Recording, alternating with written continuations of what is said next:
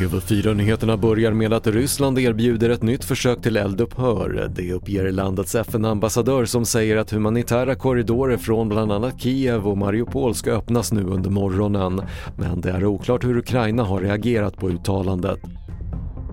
Transportbranschens fack och arbetsgivare vill ha tydligare regler hur svenska hamnar ska hantera ryska fartyg och laster, rapporterar SR. Anledningen är att samtidigt som sanktioner införts mot Ryssland är ryska fartyg fortfarande välkomna i svenska hamnar. En 15-årig pojke dödades och två tonårsflickor skadades allvarligt vid en skottlossning utanför en skola i Des Moines i amerikanska delstaten Iowa.